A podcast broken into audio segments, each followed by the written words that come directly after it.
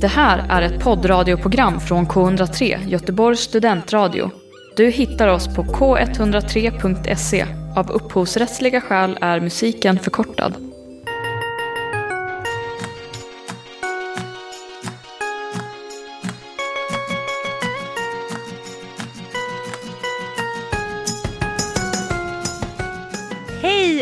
Välkomna till tagning 103, årets första program idag.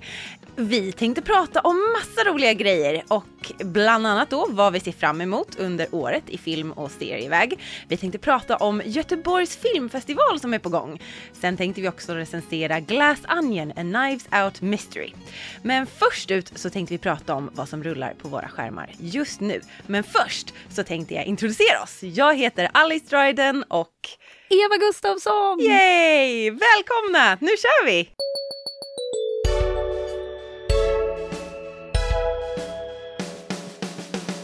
Det är så kul att vara tillbaka med dig i studion Eva. Eh, Ja, jag håller med. Jag har längtat efter det här. Jag älskar ju att prata film med dig, Alice. Jag gillar att prata film med dig Eva!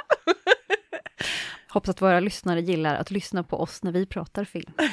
Håller tummarna för det. Jag, eh, min mamma lyssnar. Shoutout till mamma, vår trogna följare. Men nu tänkte jag att vi skulle prata lite om vad vi har sett just nu, ett återkommande segment som är så himla trevligt. Det är en sån här eh, tidlös, eh, det spelar ingen roll om det här hade premiär för 20 år sedan eller två dagar sedan. Men eh, det här är det jag tittar på just nu. Och då är jag så himla nyfiken, Eva. Vad tittar du på just nu? Vad rullar på din skärm? Jag, alltså det har ju ändå ganska nyligen varit jul och nyår, vilket det har Mm. gett mig väldigt mycket fritid att titta på mycket och kolla ikapp lite saker. Så jag har inte kollat så mycket på saker som har varit purfärska, men som känns nya för mig. Mm. Och jag har till exempel sett The Morning Show, som ju är en amerikansk tv-serie med Jennifer Aniston och Reese Witherspoon. Men Vi har lite också Steve Carell. Carell också. Yeah. Oh yes. Den här kom ju 2019 och då hanterade metoo. Eh, och vi följer med en morning show, alltså tänk så här, TV4, Morgonsoffan, Nyhetsmorgon, alla de här, men amerikanskt. Och det inleds ju direkt med, det har kommit ut att det manliga ankaret är en sexual predator. Typ. Ja, men så här, han har utnyttjat personer på kontoret, eh, de får hantera att de plötsligt, här, plötsligt bara så här, nej han kommer inte idag, he's gone, du är själv nu, nu ska du presentera, du har så här, suttit här med honom i 15 år, nu ska du hantera att eh, han inte är där längre. Liksom, typ. Ja. Och eh, jag tyckte den var ganska intressant, eh, Mm. för den, eh, den lyfte verkligen på olika sätt. Eh, både metoo-vågen, hur den såg ut, ser ut, såg ut. Eh, alltså nyhetsrapportering Ja. eh, på olika sätt. Hur man behandlar människor intervjumässigt. Ja. Det här att vara ett offer, att vara en story. Du ska berätta din historia, du är inte ett offer. Men för oss är du fem minuters innehåll i vårt program. Mm. Lite sådär. rulla och liksom Ja. så här, att man kanske, eh, för jag har också sett säsong ett och lite säsong två, men jag kommer ihåg att det, det är någon så här där personen som ska bli intervjuad kommer in och sätter sig i en stol och så är det ingen som hälsar på den. Alltså Mm. du vet som, som ska intervjua den. Så att man tittar först på personen när, Kameran är på. exakt, och det är också så här, fan jag gissar att det kan vara så, Mm. liksom för vissa. Svårt. Jag tyckte den var intressant att se. Den kanske inte eh, träffade alla toner, men den, den var verkligen väl värd att se. Eh, så jag är sugen på att se nästa säsong också och se liksom, här, vad händer då? Liksom, för då blir det liksom kanske lite nytt take. För det här var ändå en ganska avslutad historia. Så. Mm. Eh, ja, så det är en av de sakerna jag har sett. Vad har du tittat på?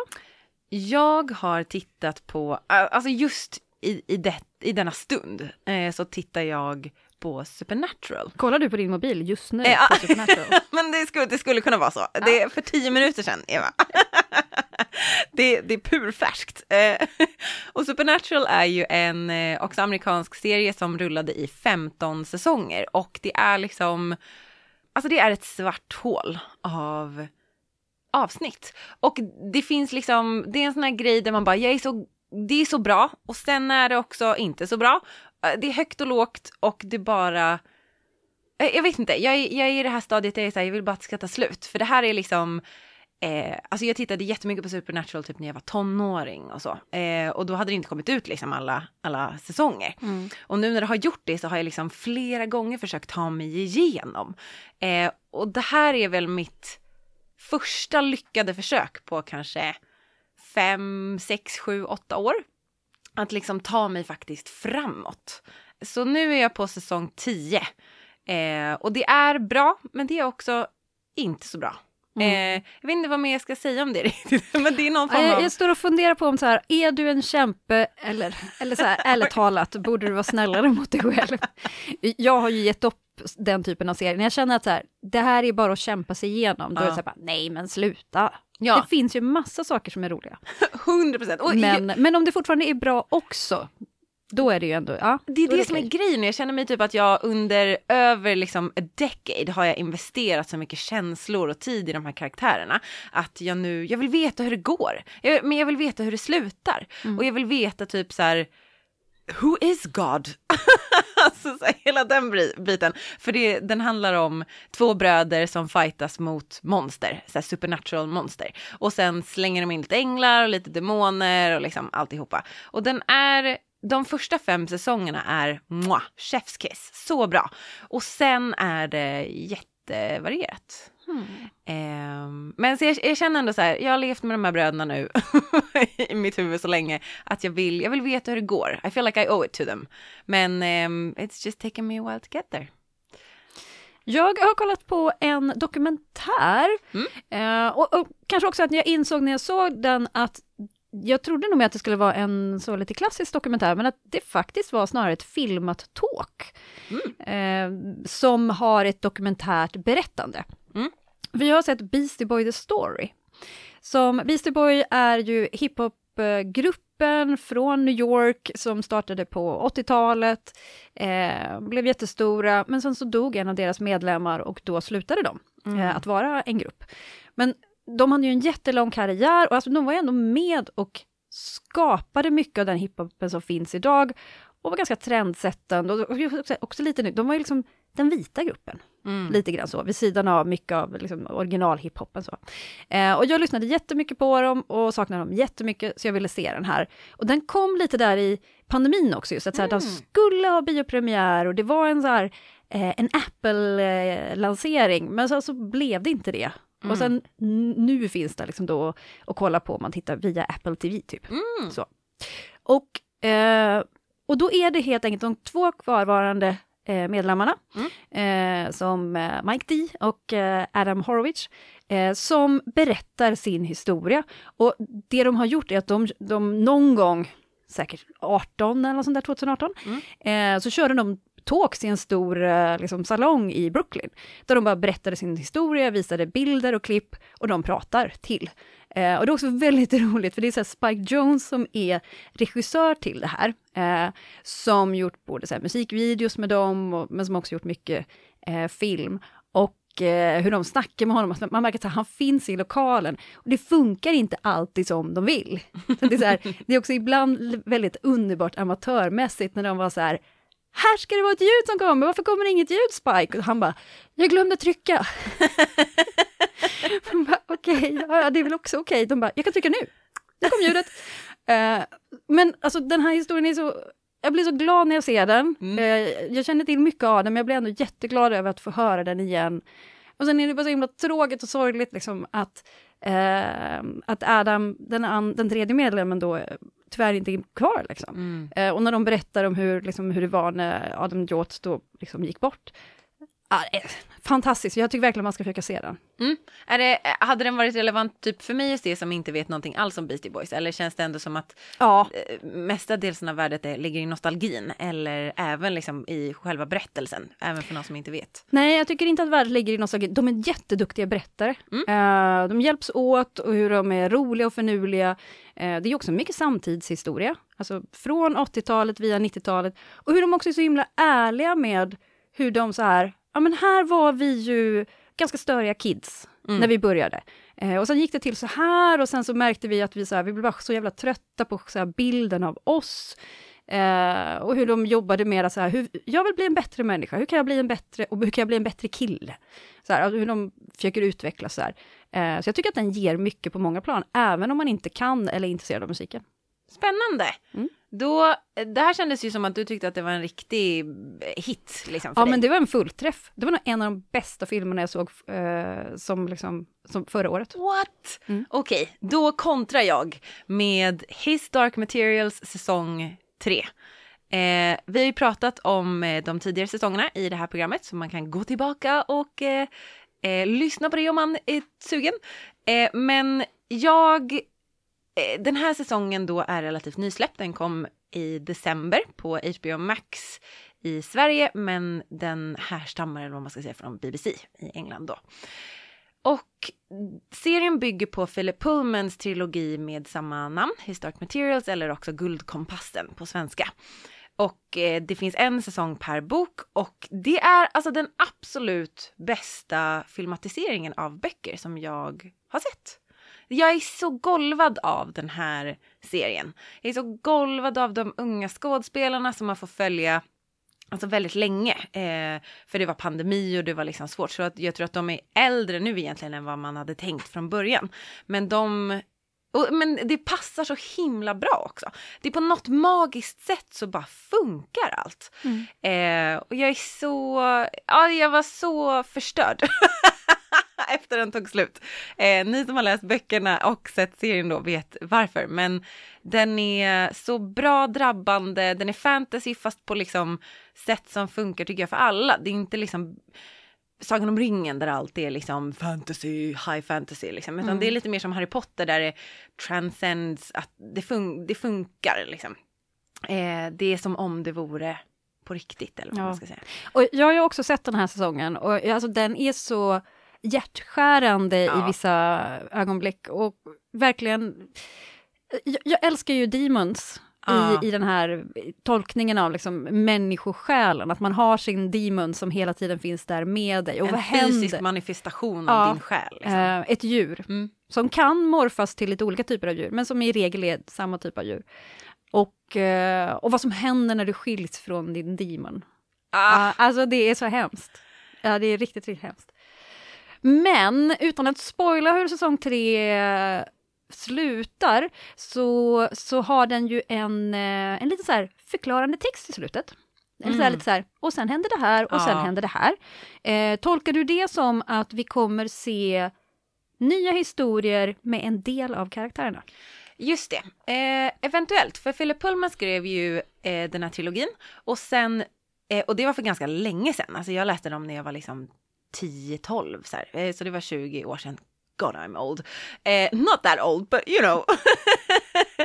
eh, men sen ganska, väldigt nyligen så har han släppt en ny trilogi som heter Eh, nu är jag lite osäker på om hela trilogin heter, men det är så här Book of Dust. Eh, så det kommer flera böcker i den serien. Och de handlar då om en av huvudkaraktärerna i originaltrilogin i ung vuxen ålder. Så jag tror nog att det kan öppnas. Det kändes ju som att de öppnades för Mm. att det skulle kunna komma liksom en fortsättningsserie byggd på de här nya böckerna. Eh, så det känns inte stängt. Men alla nya böcker är inte färdigskrivna, så jag vet inte riktigt. Eh, jag tänker också att det kanske beror på hur, hur pass stort den här sista säsongen slog. Eh, så vi får se, men jag hoppas för att jag tycker så himla mycket om Daphne Keen som spelar Lyra. Lyra Belacqua. Och sen är det ju också eh, Kit Connor från Heartstopper som spelar rösten till hennes Demon. Ja! Eh, Pan Pantalaimon. Ehm, så jag hoppas verkligen att vi får se mer av de här karaktärerna. Eh, och jag vill också bara lägga in brasklappen att så här, även om det är gut-wrenching så alltså se den här serien. Den är så värd det. Eh, verkligen fantastisk. Den sista saken jag sett på skärm, stor skärm, eller kanske till och med duk, är eh, biofilmen Decision to Leave. Som var årets första biofilm för mig. Och det här är ju en koreansk film av regissören som också har skrivit eh, den här krimhistorien kan man väl ändå säga. Mm. det är Park Chan-wook, som ju tidigare har gjort Hämndtrilogin, den med Oldboy, Lady Vengeance och Hämnarens ja. resa. Um, och, uh, men det här är en lite annorlunda historia om man tar liksom därifrån. Den är fortfarande lite så vad man skulle kunna ha för hårdkokt mm. eh, thriller så. Men här får man följa en polisman som eh, får ett fall där en person har fallit från en klippa och eh, en bergsklättrare och det är så här, ja han skulle mycket väl kunna ha fallit och att det är en olycka. Men har han kanske blivit puttad? Vem vet? Och vem har då i så fall gjort det? Och när han då intervjuar frun till bergsklättraren, då blir det lite så här, mm. De blir väldigt, väldigt bra vänner. Mm. Eh, han känner att hon är lite av en själsfrände, så de börjar umgås lite grann så. Men vad är hennes intentioner? Varför vill hon bli vän med den här polisen? Vem är hon? Vad vet hon om sin man? Liksom? Och så här, mm. ja, vad finns det bakom? Är det mer thriller eller är det mer whodunit? Jag skulle säga att det är mer thriller, uh, det är det. Uh, och vi som publik, vi vi börjar få en teori ganska snabbt, men vi vet inte så mycket varför och vad, mm. eller vem sådär. Men vi, vi vet nog i regel mer än polisen. Men det är, det är ändå inte helt öppet, så det är liksom inte öppna kort, det är det inte. Jag tyckte den var ganska spännande. Det var mm. inte en fullträff, men den var verkligen väl värd att se. Mm. Bra, bra story.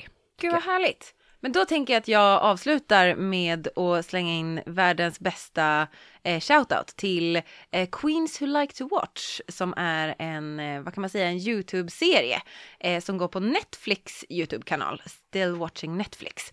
Och det är då de två dragqueensen eh, Trixie Mattel och Katja som recenserar, eller liksom de tittar på eh, Netflix-serier och filmer. Och sen får man se liksom deras live reactions och, och deras eh, otroligt fantastiskt roliga, skarpa, satiriska eh, eh, comments. Eh, så det är min absoluta grej. Alltså jag tror jag har tittat på alla avsnitt fem gånger. Eh, det är så roligt. Eh, avsnitten varierar mellan 15 minuter och 30 minuter. Och det är, alltså you won't regret it. Vill du bara ha någonting riktigt roligt att titta på, go watch it.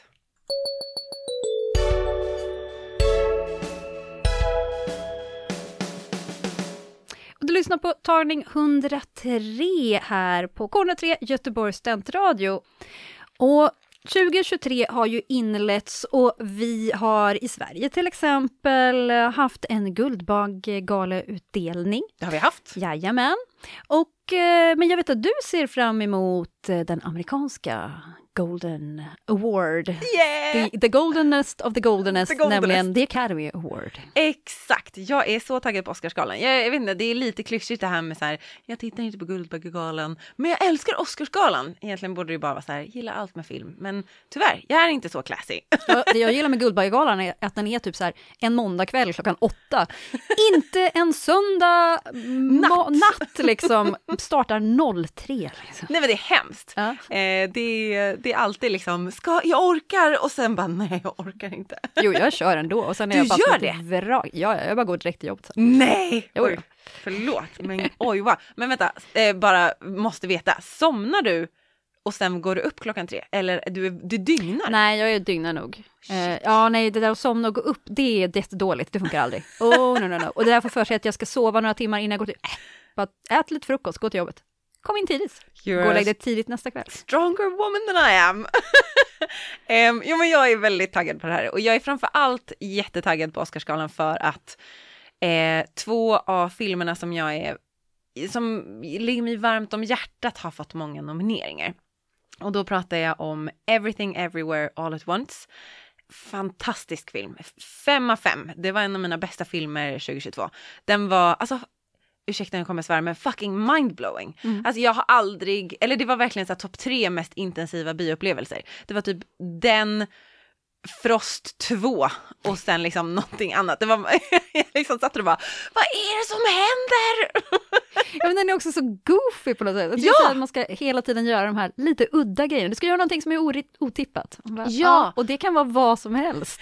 Ja, alltså det är så roligt. Den är så modig också, vilket jag verkligen, vilket är kanske det som får mig att ömma extra mycket för den. För den har en så himla fin plotline och det är Michelle Yeoh som är med eh, och spelar huvudrollen och hon är fantastisk. Jag tror även hon har varit med och producerat filmen. Eh, och den, det är så högt och lågt med liksom, det är jätteseriöst och det är så här mor och dotterrelation, kärna, mm. eh, hennes liksom hur hennes giftermål är och hur de är mot varandra. Så det är jätteseriöst och jättekänslosamt och sen är det också folk med korvfingrar som slåss med varandra. Alltså det är liksom... Ja, parallella universum. Helt otroligt. Ja. Eh, så den så taggad. Sen också Steven Spielbergs nya film The Fablemans som eh, jag har sett. Den har inte haft premiär i Sverige än, men man fick se den när man gick på lussevaka. Mm. Eh, man och man, Alice fick. yeah. Eh, så den var, den var jättefin. Jag tror inte jag hade gått och sett den om jag inte liksom råkade se den på den här kvällen. Men den är liksom en hyllning till filmskapande och det är en kärleksförklaring till familjens mamma som spelas av Michelle Williams. Ehm, och den ska ju då vara lite så här självbiografisk eh, med Steven Spielberg och eh, den är också så här drabbande, rolig. Eh, den är också så här högt och lågt. Så det, det känns, Eh, jag tror att det kommer gå bra för den för som vi vet så gillar Hollywood filmer om film. Eh, men jag tycker verkligen att den förtjänar det. Men jag hejar ändå lite extra på Everything Everywhere All At Once, because it was awesome.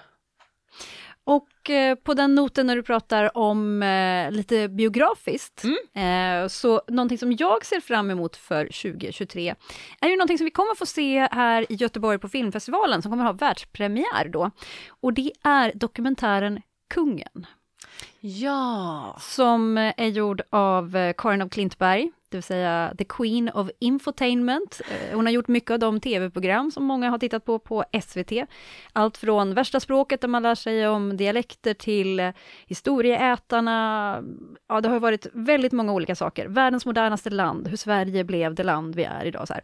Och det har hon ju jobbat mycket med, men hon har ju också gjort dokumentärer. Hon gjorde ju eh, Ebbe the Movie, som handlade om Ebbe Carlsson-affären. Kanske inte lika top of mind för folk idag, men den är kopplad till eh, eh mordet på Palme och utredningen okay. efter Palmemordet. Mm. Eh, så helt enkelt. Men nu har hon då gjort en dokumentär om vår kung, eh, som ju dessutom firar 30 år på tronen. Förlåt, jag kan inte räkna, han firar 50 år på tronen, men han blev ju kung 73. Ja! Eh, 30 år, jag var så här, vänta hur gammal var jag? Så bara, nej men 50, that makes more sense. Ja. Eh, och han var ju också kungen som, alltså, han blev kung som den yngsta eh, Monarken. I, ja, monark, ja. i modern tid kanske vi också ska börja säga. Men eh, jag tycker det ska bli väldigt intressant. Jag är inte royalist, snarare tvärtom. Eh, men jag tycker att det här ska bli väldigt intressant och jag hoppas att det faktiskt ska vara någonting där man kunna liksom har lyft locket av mm. eh, och kan få se människan bakom. För det tycker man inte gör så mycket.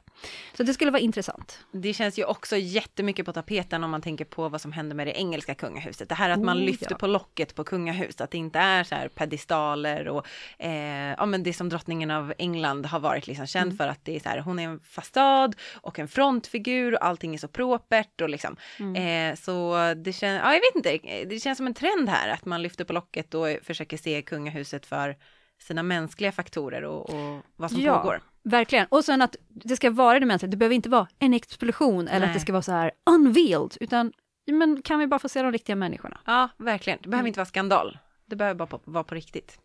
Jättespännande. Jag har två serier som jag är taggad på. Vi har recenserat båda här i programmet tidigare och den första är Carnival Row säsong 2 som kommer på Amazon Prime nu i februari. Jag var så förvånad över att vi skulle få en säsong två. Jag trodde att det var så här, en säsong som slutade jätteöppet och jag var så här, jaha, den blev väl inte renewed då. Liksom. Nej, och det är ju ärligt talat hundra år sedan du pratade om den. Alltså, vår, ni märker, vår tidsuppfattning är lite sådär. Men eh, ja, det var ganska länge sedan du pratade om den. Ja, det måste ändå varit alltså, minst två år sedan. Mm. Alltså, för jag tror att den kom ut 2019. Eh, så, men vi får alltså en andra säsong och den kommer vara... Fyra år sedan. Fyra år sedan. det, what even is time? This pandemic, alltså det, det är så wibbly wobbly. Timey wimey stuff, shoutout till Hoovians. Um, nej men så, så den får vi i alla fall på eh, Amazon Prime i februari. Och det kommer vara så avslutande säsongen. Men det känns ändå bra. Det är med Orlando Bloom och Cara Delevingne eh, i huvudrollen och jag tänker att de får tie up the knots i sin high fantasy-serie där. Som har liksom lite steampunk-känsla. Eh, det var som Game of Thrones but with fairies typ. Mm, eh, and it, it worked. Det, alltså, det var också väldigt kul att se Orlando Bloom som någon form av Geralt of Rivia-figur där han pratar så här och han mm, Alltså du vet så här, han med grymtar när säger saker. Och så pratar han med någon så här sjuk cockney accent. Det, alltså, Henry Cavill does it better, but he, Orlando Bloom gets away with it. I mean, he wears a bowler hat, who doesn't like that? Funkar fint. Funkar fint. Och den andra serien som jag också är så taggad på, som vi också recenserat, är då Shadow and Bones, Netflix storsatsning, också liksom superfantasy. Eh, men inte så här bor i medeltiden, utan det här är liksom eh, unga vuxna som springer omkring i Ravka som är någon form av liksom ryskinspirerad fantasy, eh, fantasyland. Eh, där vi har, eh, men vad ska man säga, den här kampen mellan gott och ont, ljus och mörker. Eh, jättespännande. Jag är superkär i första säsongen. Jag tyckte den var jättebra. Den hade liksom eh, allt, den var liksom inte så Game of Thrones, eh, du vet så liv och död på ett sånt där Joffrey-sätt, utan det var ändå liksom lite mysfantasy fast det var väldigt mycket på allvar. Så jag, jag rekommenderar den och är taggad att se om säsong två håller måttet. Mm. Och i mars kommer den på Netflix. I mars kommer den på Netflix. Mm. Jag har också två ganska fantasy-fokuserade filmer som jag ser fram emot och de är nog väldigt olika mm. från varandra. För den första är The Super Mario Bros Movie. Där, och man har ju tidigare försökt göra filmatiseringar av tv-spelet från Nintendo Mario. Hur har det gått för dem? Oj, vad det har gått jättedåligt! den ena är animerad och den andra är en live action-film. Eh, den kom på 90-talet och den fick så mycket hat och spe, kan jag säga. Så att de väntade ganska länge innan de gjorde ett nytt försök. Men det som ju det som har hänt här nu är ju att så här, Nintendo jobbar ju också med Illumination, eh, när det gäller att göra spel och Illumination gör också film. Mm. Och eh, då träffade då eh, skaparen av Mario, Shigeru eh, Miyamoto, eh, regissörer och filmskapare och bara så här, hmm, ska vi kanske försöka runt Och det här skedde typ 2016 och sen så har det liksom grott och kommit vidare till att det nu kommer komma en film i maj. Mm. Och då ska till exempel Chris Pratt vara rösten till Mario, vilket ju också är lite Alltså självklart, han är ju skådespelare, men Mario har ju alltid haft samma röst. Röstskådespelaren till Mario i alla spelen ah. heter ju George Martinet och är en italiensk ättlad amerikan. Eh, men nu så kommer det istället bli skådespelare då som tar oss igenom filmen och Jack Black ska vara Bowser, Mons, liksom, fienden ah. och lite sådär. Liksom. Oh, det är dock en, det känns jättebra. Mm. Det kommer vara kul. Seth Rogen ska vara med och vara Donkey Kong. Vad spännande, för jag tänker ändå Chris Pratt, han har ju röstskådespelat i bland annat då The Lego Movie. Mm. Och han gjorde, och det var ju hans första stora liksom animationsfilm. Everything is awesome. I love that movie. Ja. Såg om den för typ en vecka sedan. Håller så bra, älskar den. Underbart. Ja, så vad spännande, vad kul att se vad han gör med, med Mario. Men den andra fantasyfilmen som jag ser fram emot, det är ju Dune 2. Yes! Eh, den kommer först i höst, så att där får man ju vänta lite grann. Men, nej, men det ska bli kul att se vad som händer, för det är ju många som återvänder från de som vi såg i den första. Men det kommer ju också nya som kommer joina här, till exempel Florence Pugh, Christopher Walken, här, många kreddiga och tunga namn som kommer Var det inte också joina. Austin Butler som nu också är på Oscarstapeten med Elvis-filmen? Det kändes som en, eh, en lite wild, eller jag var såhär, jaha, kul! Spännande! Att han ska vara med i Dune att eller att han, han blev vara... Oscars ja, Nej, förlåt. Eh, tack för den clarification. Nej, eh, jag har inte sett Elvis-filmen så jag, men jag har hört att han gör den väldigt bra. Men jag menade mer att han skulle vara med i Dune. Eh, Men det var nog för att det var ett hopp i mitt huvud mellan superseriösa Dune och liksom Elvis. Mm. Men jag tror att han kommer göra det jättebra. Jag är bara väldigt så här, jaha vad kul, nyfiken att se hur det blir. Så hoppas jag också typ att vi får se Zendaya som inte bara ser mystisk ut i en fucking canyon. Eh, för det var det enda hon Kanske gjorde. får lite repliker. Exakt, hon kanske får lite säga fler något. repliker, hon har några. Men, eh, ja. men sen så ser jag också fram emot ett wildcard. Filmen i sig, vem vet, den kanske är toppen. Mm. Men det kommer en svensk film eh, i höst som eh, heter Karusell. Okej. Och Karusell, den är inspelad, det är en svensk skräckfilm, den är inspelad på Liseberg. Nej, är det sant? Och utspelar sig på Liseberg. Det ska bli så himla kul att se hur det ser ut. Eh, ja, så att jag är mest nyfiken på hur den ser ut. Gud spännande, det är som den här eh, julkalendern när karusellerna stannar fast the horror version. Nu har barnen vuxit upp och nu har det kommit, nu är det någonting som hänt.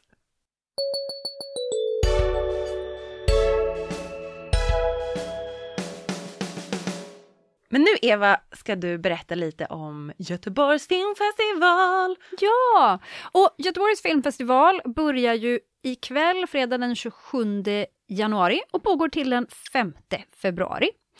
Och eh, det är ju som vanligt massor med film, massa biografer, det kommer folk från när och fjärran som berättar om sina filmer, vilket är väldigt häftigt.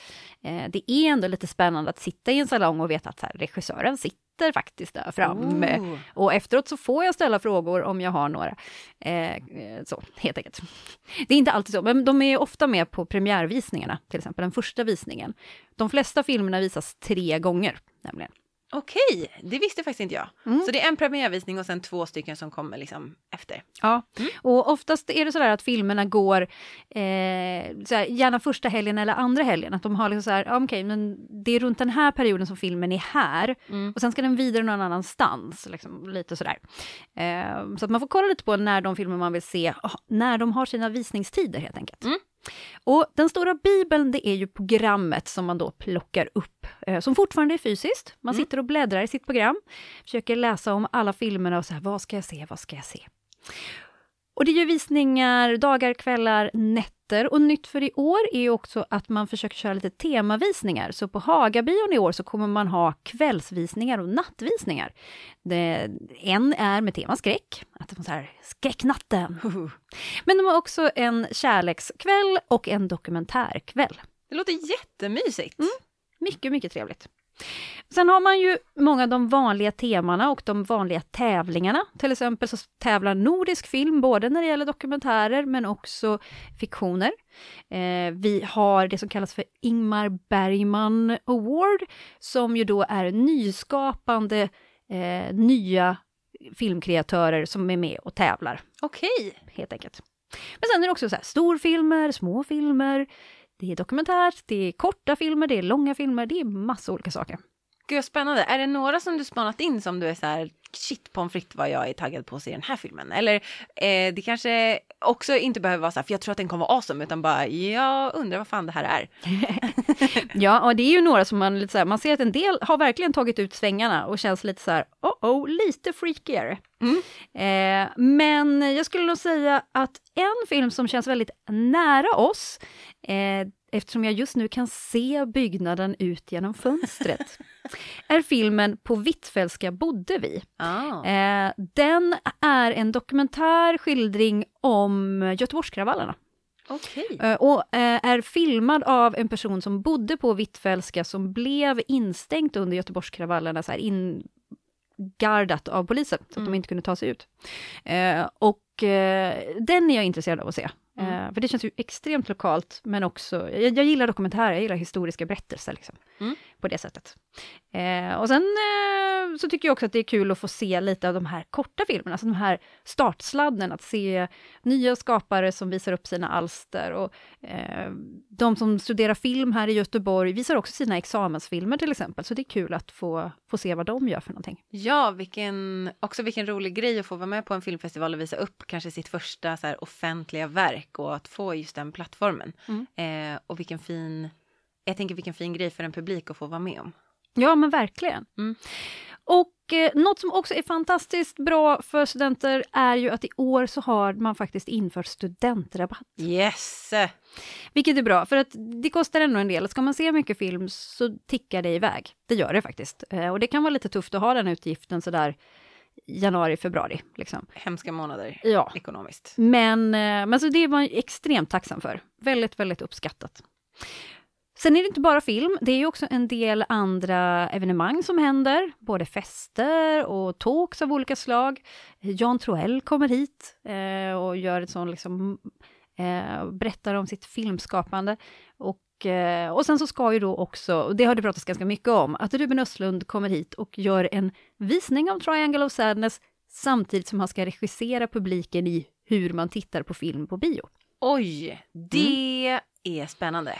Mm. Vad kommer det innehålla, undrar vi? Ja, det, det vet man ju inte Nej. rakt av. Det vi vet är att eh, man eh, för att få vara med och köpa biljett till att börja med måste först svara på lite frågor, så att du måste bli utvald för att få köpa biljett. Så är det inte först till kvarn bara. Och, eh, och sen så får man då vara med om den här upplevelsen och då kan det vara så här, hur ska en filmpublik vara? Ska den vara tyst? Ska den vara deltagande? Ska den liksom visa känslor? Ja, det, det, får vi veta i efterhand, vad resultatet kommer bli. Gud Men, vad spännande. eh, Jag känner typ att jag blir lite provocerad av att någon vill, eller du vet, av bara själva grejen. Men jag tror också att det liksom är en bra grej. Eller att det var kul med någon som pokar och proddar och är så här, hmm, eh, let's shake things up. Mm. Men är det någonting vi vet om Ruben Östlund så är det ju att han gillar att peka ut och pointa på saker och kanske göra lite awkward moments. Ja, så tänk inte att, ja men jag har ju inte sett Triangle of Sadness, jag kanske ska gå och se den. Jag tror att det kanske inte är det bästa första tillfället att se den. There's gonna be action. Okej, spännande. Ja, det tror jag. Så Göteborgs filmfestival drar igång ikväll. Eh, är du intresserad? Det finns massor av saker att se. Och eh, vi kommer vara på plats här med Göteborgs studentradio och vi kommer ge er lite tips som rullar på via våra sociala medier. Så håll koll på det, så kommer ni få tips. Och då heter vi eh, tagning 103 helt enkelt. Eh, rätt upp och ner på Instagram.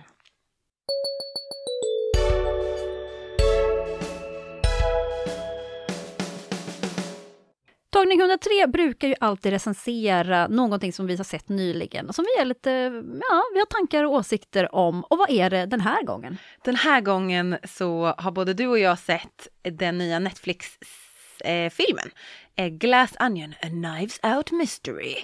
Eh, och den är ju en, eh, jag tror att den kom ut på ett så juldag, nej, den kom ut den 23 för jag kommer ihåg att jag såg den den 23 och så sa min familj, ska vi se den här på julafton? Och jag var så här, men jag har redan sett den. men vet du vad som hände då? Då såg vi om den. två gånger på två dagar. Så den har ändå nått. Tack för idag, ha det så bra, det var det. Och Alice vet allt om den för att hon har sett den två gånger. Jag har bara sett den en gång. Exakt, I'm an expert. Den här eh, filmen är ju gjord eh, i kölvattnen av då Knives Out som kom 2019 tror jag. Som var en sån här jätte, det, det blev en smash. Den verkligen tyckte jag, Många gillade verkligen den Ja. här och jag blev nästan lite förvånad över att folk var bara så här, den här är så himla bra. För jag tyckte att den var, den var bra, men den var inte så att den var outstanding. Jag kanske har vuxit upp ganska mycket med att se alla de här Agatha Christie, Ja. Who Done It-filmerna. Mm. Alltså jag har sett sjuka mängder sådana filmer. Så jag blev nästan lite förvånad när folk var så här, ja det här är det bästa jag har sett. Man bara, fast det här är ganska mycket samma och mycket annat som också har varit bra. Men mm, Eh, men det var någonting som stod ut där eh, i den här Cluedo-versionen liksom på något sätt. Ja, den, den kändes ju lite som där alla var en stereotyp figur i dem på något sätt. Ja, och det var ju just det här, eh, om man ska jämföra då film nummer ett och film nummer två. Eh, så film nummer ett eh, utspelar sig ju inom en familj eller ett hushåll, eller vad blir det, en släkt och ett hushåll kan man säga, och ett hus. Och där huset var ju, vad kan man säga, typ så här, också en karaktär. Ehm, så den, det var ju så här lönngångar och ni vet så här gammalt hus med creaky stairs och liksom eh, jättestämningsfullt och så var det på hösten och det var liksom mycket höstiga färger. Den här filmen, Glass Onion då, den var totalt tvärtom, vilket jag också tror var bra, för jag tror inte man ska göra samma sak två gånger. eh, men ehm, så den utspelar sig på en typ ö i, in, i, i Grekland tror jag, en grekisk ö någonstans. Men det är väldigt vackert vatten, eh, sandy beaches och eh, lyxhus. Där folk går omkring, alltså du vet så här, vid poolen eh, och dricker kombucha. Eh, I högklackat. I högklackat, väldigt viktigt. Och designerbikinis.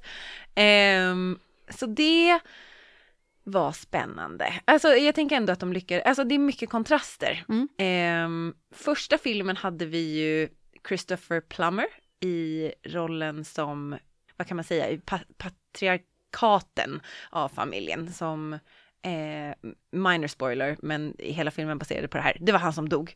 Eh, så var det också Anna de Armas som vi nu är lite aktuell i filmen Blond på Netflix som hon blev Oscars-nominerad för. Så hon spelar eh, också huvudrollen i den filmen.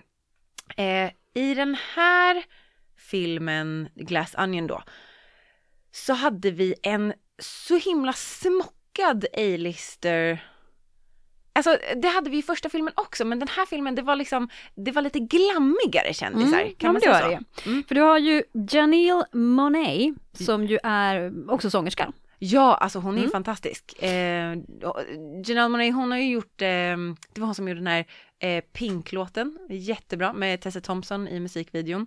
Eh, ja, hon är toppen. Catherine Hahn. Oh Underbar komedian. God, yes, WandaVision. Mm. Eh, ska också få sin egen serie tror jag på Mm. Disney+. Plus. Absolut.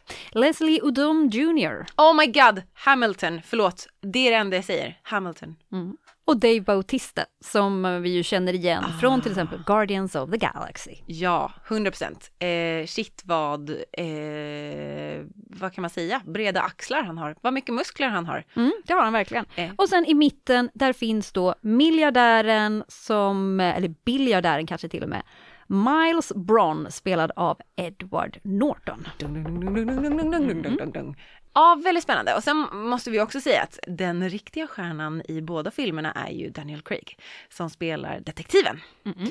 Fantastiskt. Han... Benoit Blanc. Ja, alltså bara det. Let it sink in folks. Benoit Blanc. Eh, han är ju otrolig för att det bara känns som att Daniel Craig går omkring och bara har kul. Så, så uppfattar jag liksom hur han spelar den här rollen. Att han gör det väldigt bra, han har lagt ner mycket tid, men framför allt så bara lever han sitt bästa liv och har det bra. Eh, och han har den här eh, accenten, eller vad säger man, dialekten, eh, som är jättedålig och gör den jättebra. Eh, kan man säga så? Den är så dålig att den blir bra. Så det är väl Det lite... går liksom två varv Ja, runt. exakt. Först som är så här, det är ett skämt och så bara, ja det är ett skämt, det var ju ganska kul.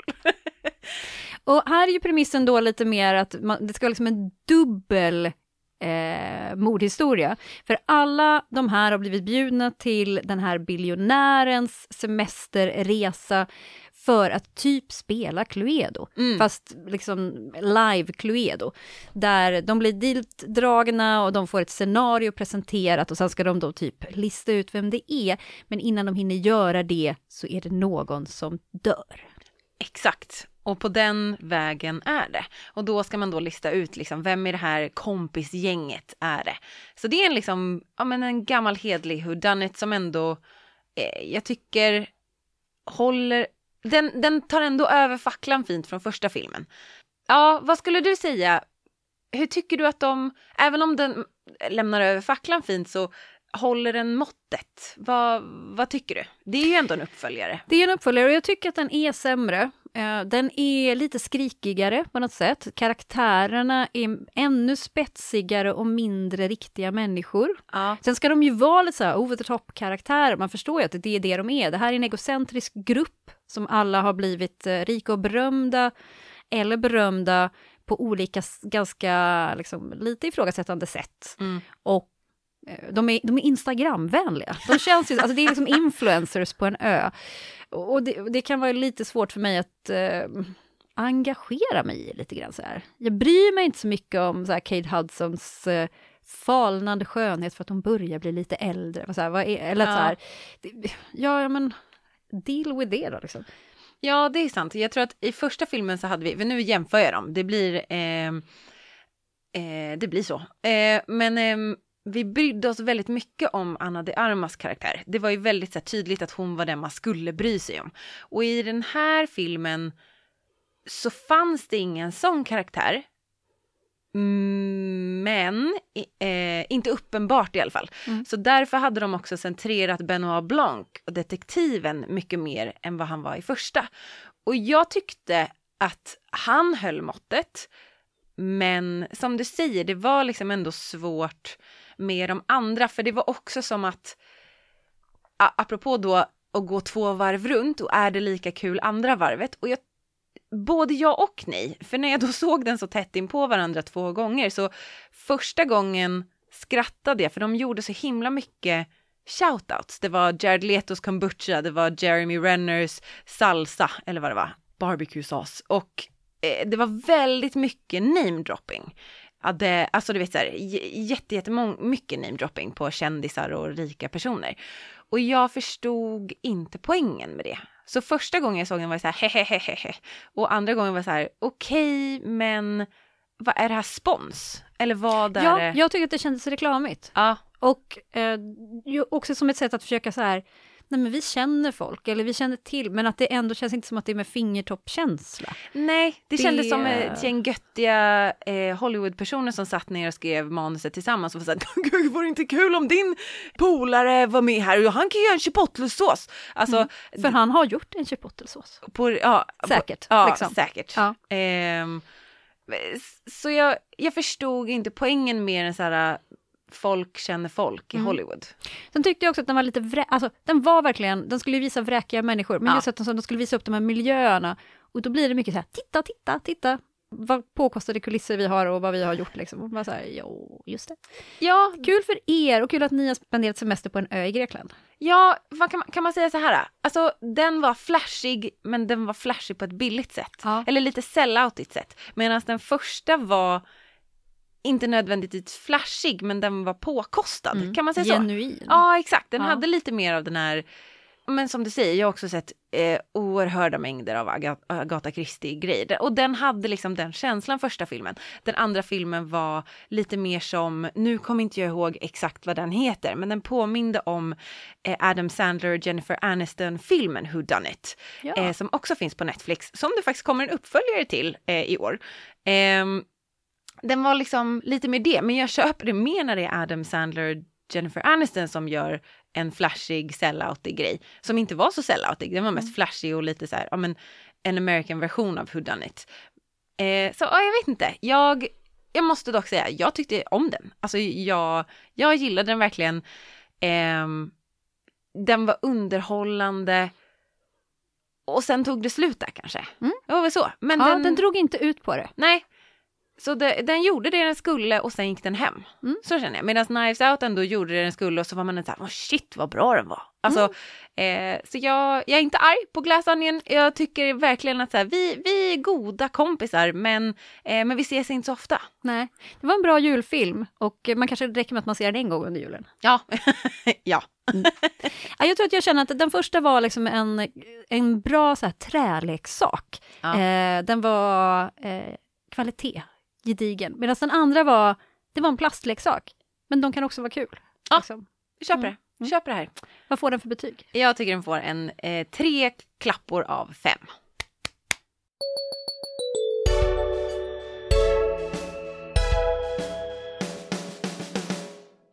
Mottagning 103 har idag gett er en liten koll på vad jag och Alice för tillfället har eh, sett på tv, bio, vilka serier, vilka filmer och dokumentärer som har fångat vårt intresse och vi har tipsat er om sex stycken olika alternativ. Vi har också spått lite in i framtiden för att se vad tror vi vi kommer gilla bäst och vad ser vi fram emot. Det var mycket fantasy, Det var mycket fantasy. men olika typer av fantasy. Ja, det, det. Vi Ja. har gett er ett smörgåsbord med tema. Ja, verkligen. Och sedan självklart har vi pratat om att Göteborgs filmfestival börjar här i Göteborg, men också finns online, så du kan minsann titta på film även om du sitter i Borås, eller Boden, eller Borgholm. Och sen så har vi recenserat Glass Onion, A Knives Out Mystery. Den fick tre stycken klappor av oss. Och Jag som pratar just nu, Eva Gustafsson, har gjort programmet tillsammans med Alice Dryden. Och vi finns ju på Instagram där du kan se vad vi pysslar med, där vi ibland tipsar om lite saker som bara korsar vår väg. Och vi sänder ju på K103 Göteborgs studentradio på fredagar och söndagar klockan 13, då på frekvensen 103,1. Och sen kan du hitta våra poddar på både Spotify, men även, du kan kolla in Mixcloud till exempel. Där finns programmen i sin helhet. Toppen! Vi vill alltid tacka Noah Gren som har gjort vår fantastiska vignettmusik. Ja, tack så mycket! Och vi kommer tillbaka i framtiden.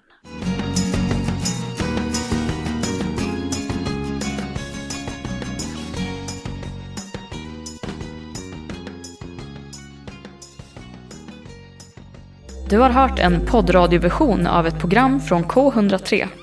Alla våra program hittar du på k103.se. Följ oss gärna på Facebook eller på Instagram. Vi hörs!